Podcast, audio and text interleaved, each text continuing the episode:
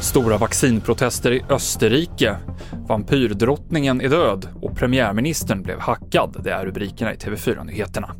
Vi börjar med att berätta att det har varit halt på vägarna längs de östra delarna av landet idag. Flera olyckor har rapporterats, både med bilar och lastbilar inblandade. Busschauffören Sabait Gredic är en av många i Sörmland som haft problem under morgonen. När jag började i morse kvart i sju, jag sett direkt det var halt. Och jag var försiktig, jätteförsiktig, men man kan inte göra någonting. Det är situation. Det är en riktig isbana. Det är bara att stå och vänta på hjälp. Har du varit ute och gått på isen? Ja, men det går inte knappt att stå att gå. Det går inte att gå, det var svårt att lämna bussen.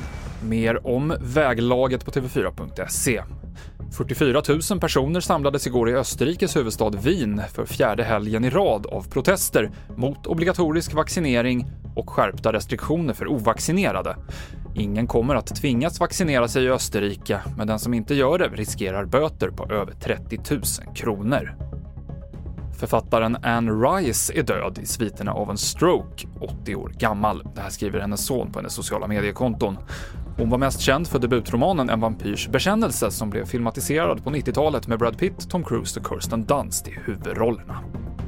Och bitcoin är ny officiell valuta i Indien och landets invånare ska få ta del av kryptovalutan. Det här utlovade premiärminister Narendra Modi på Twitter, men hans konto med över 70 miljoner följare hade blivit hackat igen. Tweeten raderades snabbt, men det kan ändå vara pinsamt för premiärministern eftersom det gick ut en falsk tweet från hans konto förra året också. Fler nyheter finns i appen TV4 Nyheterna. Jag heter Mikael Klintevall.